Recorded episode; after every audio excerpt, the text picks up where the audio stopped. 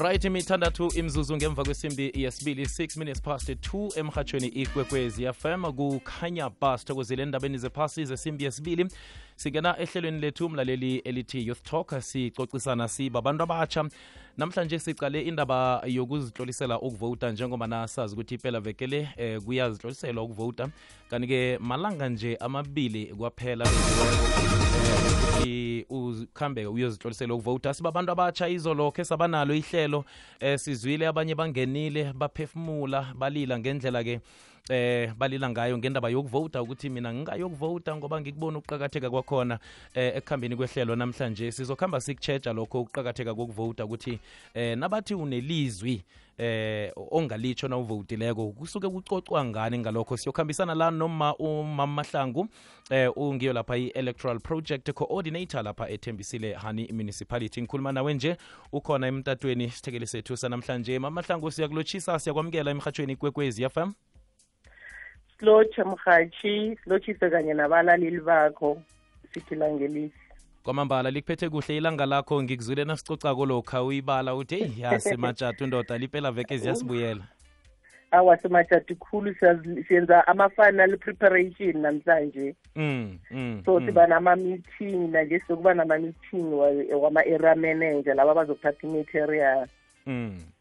yeah nasindaba liyama mahlangu iyasibamba khe sacocisana ngayo izolo siyayinabisa namhlanje siyiqalise nangehlangothini eh labantu abatsha isikhulukhulu siqalise lapho ngoba-ke ngasuthi ithemba likho kodwana ngaphambi kobana siyongena endabeni yokuthi ukuqakatheka kokuvota eh kuyini namtshana kuqakatheke ngana sithome ngendaba le yokuthi umuntu uzihlolisela njani begodu kuyini ekufanele bona akuphathe abe nakho lokha nakayozihlolisela ukuvota ngiyathokoza mhathi okokuthoma sinama-document noma imininingwane esiyidingako na umuntu ufanele azozirejistara okokuthoma umuntu ufanele abe muntu wala e-south africa.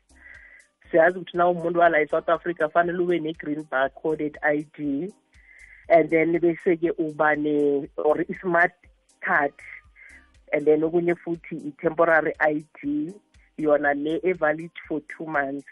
Yizo izinto lezi ezintathu esiziberegisako kuma-voting station.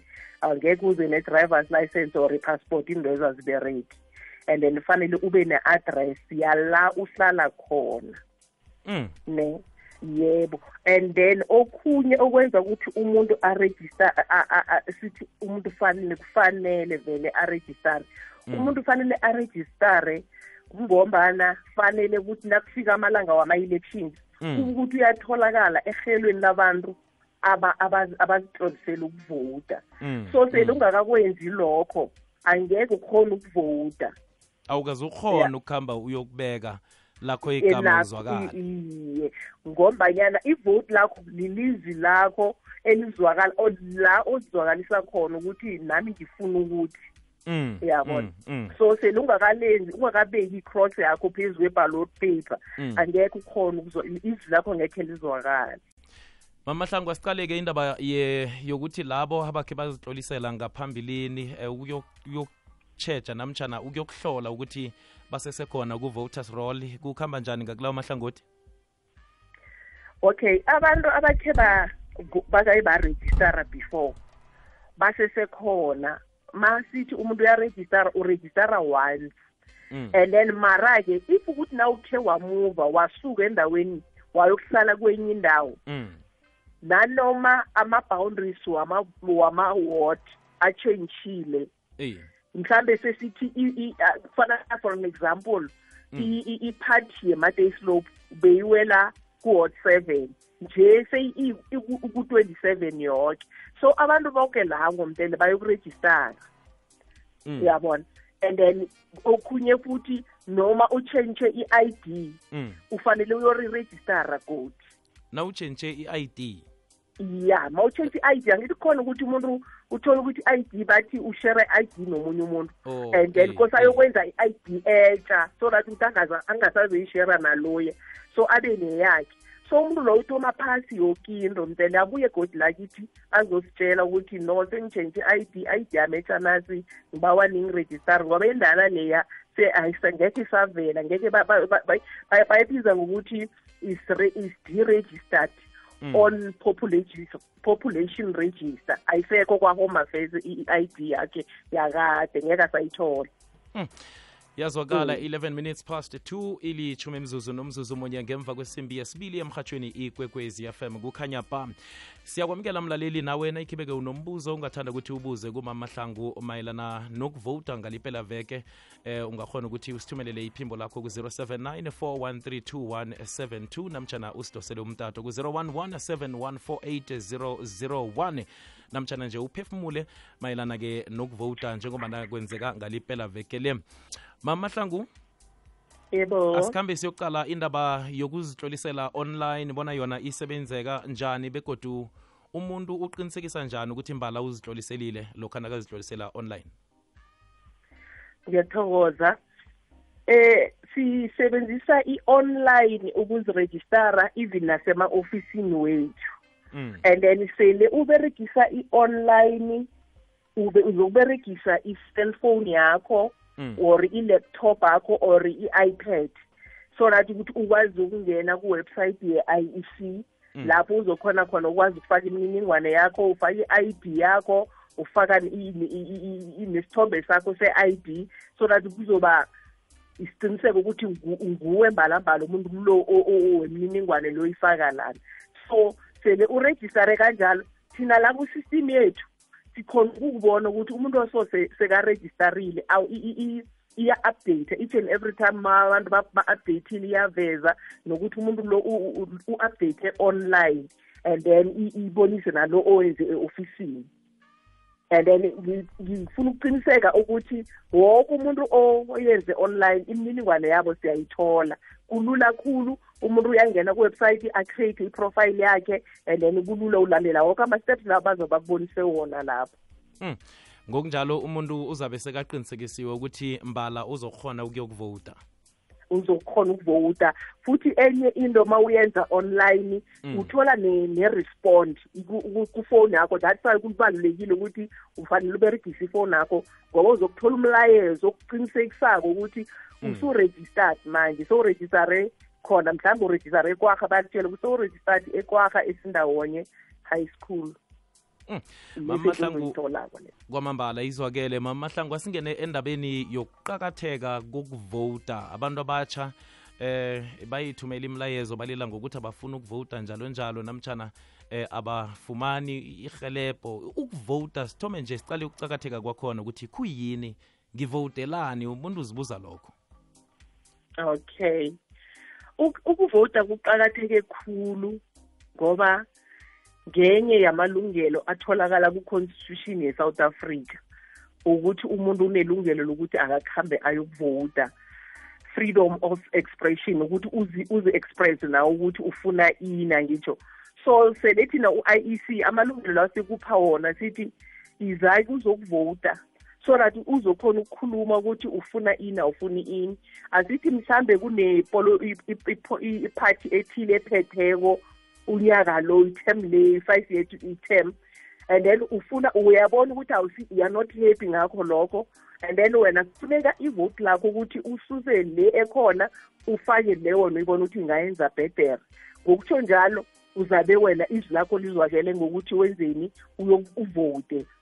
Ngaphambi kwaloko kufanele uqale ngokurejistara ku-important kakhulu ukuthi urejistare ngoba na ungakarejistari aza kufika amavoti. Nasele afika kwamavoti akutholi ukuthi wena masele utshentshe umqondo ukuthi usenje ngifuna ukuyokuvota and then kuthiwa kwakarejistara and then into leyo yokuvimbela ukuthi ungakhoni ukuyokuvota. Kubaluleke khulu ukuthi umuntu avote especially nakuyi-youth i-youth i-country le ibheke bona ukuthi in future fanele kube ngibo abaholi bakusasa.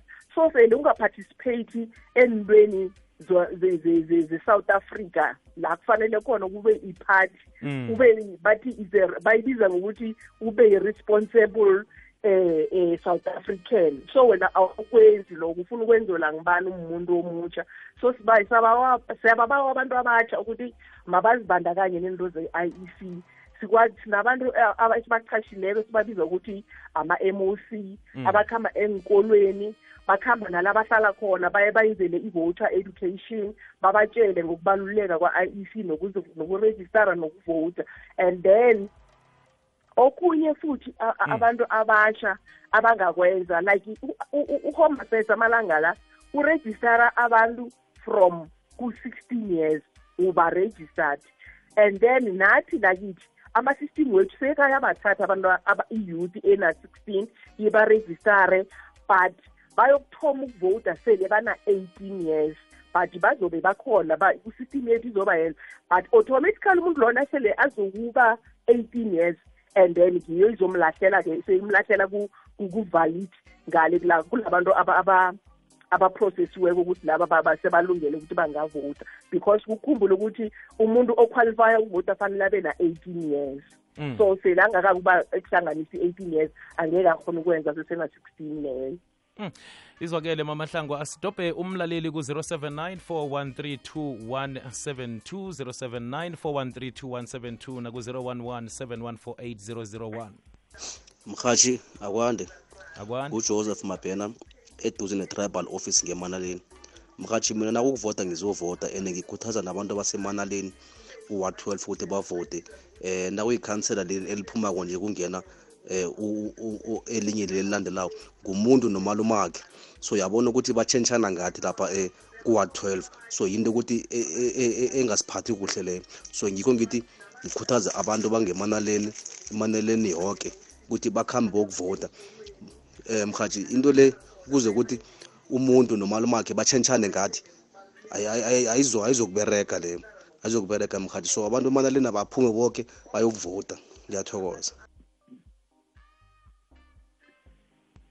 Mhathi akwande.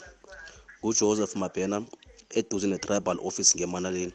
Mhathi mina nakukuvota ngizovota and ngikhuthaza nabantu abasemanaleni mina ngicela ukubuza ukuthi cause bengihlala empumalanga manje sengijiftile sengila ekuruleni. Sekumele ngicale phansi kuyorejista noma kumele ngenze njani ukuthi ngi- ngizokhona ukuvota ngoba sengingapha ekuruleni. ngiyabona ngiyathokoza mhathi noma mahlangu ngujabu mahlangu. Ya kunosibari sami namkha umkhwenyethu bavota ngemetlibhege manje sekafuna uzokuvota chubeli langakwesimiembiwa ekufanele akwenze yini kokuthoma? Kanti ngoba usengakahlathuluki ukuthi nakazokuvota ngapha kufanele enzeni? Uchugulula ini njani? Esikwazi ukuthi iye uma umazisi kufanele amphathe. Bazokhona umenzela msinyana kabatshela ukuthi ubavota ngemihlibheke nje uyachugula uzokuvota chubeli na? And begodi mhlawumbe bazomfuna eminye imininingwane namkha imibuzo eminye abazombuza yona na? Ngiyiphi imibuzo abangambuza yona mhlawumbe eminye? Sengilungisela mhlawumbe-ke nabanye abafuna ukuchugulula namkha njengoba kungasaberegwa nje sebahlezi emakhaya mhlawumbe bafuna ukuvota emakhaya. Kuyathokoza mamahlangu ninomrhatshi wami. Thokoza kwamambala izwakele mamahlangu asikhambe siyokuthengisa bese siphendule umlaleli. Thank you.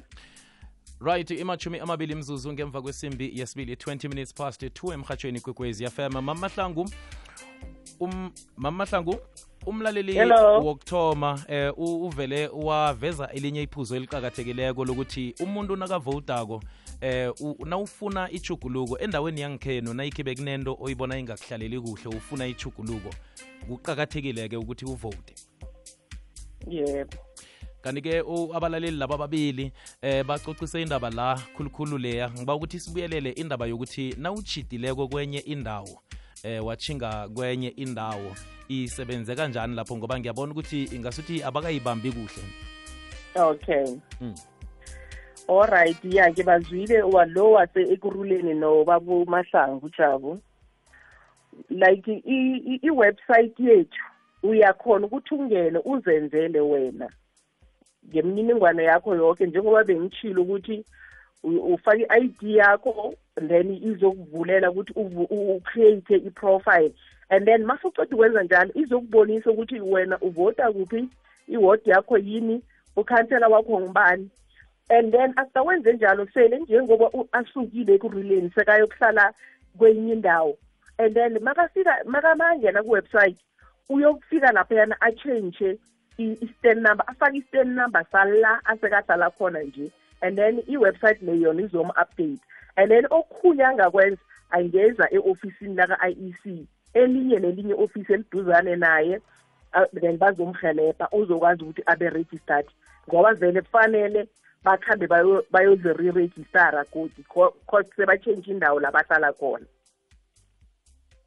Kwamambala izwakele eh mamahlangu kunomlaleli omunye la obuze indaba yokuchugulula i-address lapha via online registration. Eh ukuthi mm. nayikhibe ukhe wazitlolisa ngaphambilini online khona-ke ukuchugulula i-address eh ngoba uthi wazihlolisela egauteng. Kanti-ke uchidele uchinge kenye indawo indaba ya-online le i-online le ikhona baba iyasebenza. Eh, vele- i-address. Ya angayithi- a- angayithugulula nayo i-address khona lapho online. Is- esinto engiyichaza ukuthi ungena ku-iec website. And then bese-ke uyangenisa ama-details wakhe. Ilula kakhulu i-website yethu. Ma uqeda ukungena kiyo iyakudirecta ukuthi ufuna ukwenzani inama-questions la if ukuthi you want to register iyakutshela ukuthi you want to register you want to update your address and then you click lapho efanele u-update khona i-address yakho. Mhm. izwakele. Ikwekweza kwande um lothe mhathi akwande? Ya mani bengiba ungibuzele lapho ukuthi um kungakhonakala ukuthi u-i e c ngoba nesithi siyacala thina abanye ngama-date lawo kumele kurejistwe ngawo um for ukuvota. Mm. sizabe singekho emalokishini wethu and asinayo i-access yoku- yo- yo- ye-internet. So singakhona ukurejista mhlambe kwelinye ilokishi urejistele um umasipala omunye uyangibamba lapho ngiyakubamba ngikuzwile. Thokoze nguhlalipha kwamambala izwakele sithokozile hlalithwa mamahlangu? Ah. umbambile uhlalithwa ngimunzwe ngathi ukuthi ngelanga lamavoti uzabangekho iye uthi uzabangekho la ahlala khona. Nayikhibe mhlambe ukwenye indawo kuyakhonakala ukuthi endaweni leyo ayozihlolisela mhlawumnye endaweni yangikhabo akenye indawo. Ya e- e- e- okhunye angakwenza Mm. angithi nje ngo- ngomvulo lo siyakuye kobe kuvulwe i-special vote. Ya so angazihlolisela i-special vote. I-special vote ethu sivula ngezi-twenty zakaseptember until ngezi-four zaka-october. 20 september bekube zim- zi- zingaki? Zaka-october? Zim- ya four Zim-four october October. Si- ya kuvalwa ngiyi-four zaka-october uku-aplayela i-special vote. So nakungenzeka uthola ukuthi ama-election amthola endaweni la a- a- a- a- a- angekhe akhone ukuvota. Ilanga lelo mhlawumbe lilombethela mhlawumbe asithi usepitori ngalelo langa lelo Mm. lama-election. And then yena-ke a- a- a- a- angeke akhona ukuyovota unelungelo lokuthi angene kuwebsite nanoma angeze ofisini lethu athole iforomu noma angathumela umuntu amthathele ifomu Mm. azom azom-aplayela i-special vote ukuthi yena uzofuna ukuvota nini usually sinabana- siba nama-category awu-two wama-special vote Mm. kuba nama-special vote wabantu abagulako aba-disable abantu abangaka- a- abangazizwa kuhle nje Mm. Mm. physically infirm sibabiza njalo and then bese kuba necategory yabantu ayingekhe umuntu abe khona ku-voting station yakhe Mm. ngelanga lamavoti ngelanga lamavoti so um, abantu labo banikezwa that option leyo so abantu labo abagulako nabayenzani labo esibalanda emakhaya kuleyo category leyo Mm. Mm. so bavizithele emakhaya sibavotisele emakhaya and then laba umuntu athi mina ngizobe ngingekho ngelangeni lamavoti Mm. ngizobe ngikuphi kuphi ngombereko and then uyeza-ke uya- uya- uyavota but labo bayokuvotela es- e- e- e-voting station. Asibalandeleli emakhaya bona bazizela ngenyawo but beza ngengaki bayokuza ngeni-thirty nangeni-thirty-one zaka-october. And then laba angithi ama- ama-election angezi-one Eh. zakanovember. So bona bayoza ngeni-thirty nangen-thirty-one those people uyakhetha either uza ngeni-thirty or uza ngeni-thirty-one ma u-aplayela i-special vote. Kwamambala izwakele ya sibabiza ukuthi ama-station visit lawo ama-station ma-station visits. ya izwakela sithatha omunye umlaleli kwekweza kwande? Right eh akhe sibone khe sithathe umlaleli ngapha ku-whatsapp khe sizwe khona ukuthi eh bathini. Mm, ya ngiyayibona ingikhambela kabuthaka. Ngize ngapha ikwekweza kwande? Akwande usemoyeni akwande Mm. sithatha umlaleli ngapha. Bandikurinarha nesithekeli sakho lapha ephakathweni awa ngiyamuzwa kuhle khuluma loyo.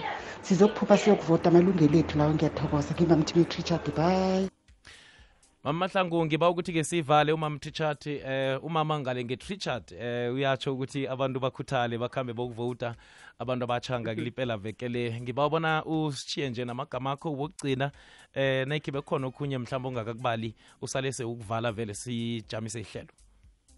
Alright sibawa abahlali nabalaleli ukuthi sicela niphume ngobuningi nikhambeni ema-voting station ngomgcibelo nangosondo nozitlolisa ngoba ngomvulo uminister we-coctor uzabe aproclaim ama-election ngokomthetho ukuthi ama-election anini and then mind you after i-proclamation ama i-voters roll after i-proclamation ama ama ama i-registration iyavalwa.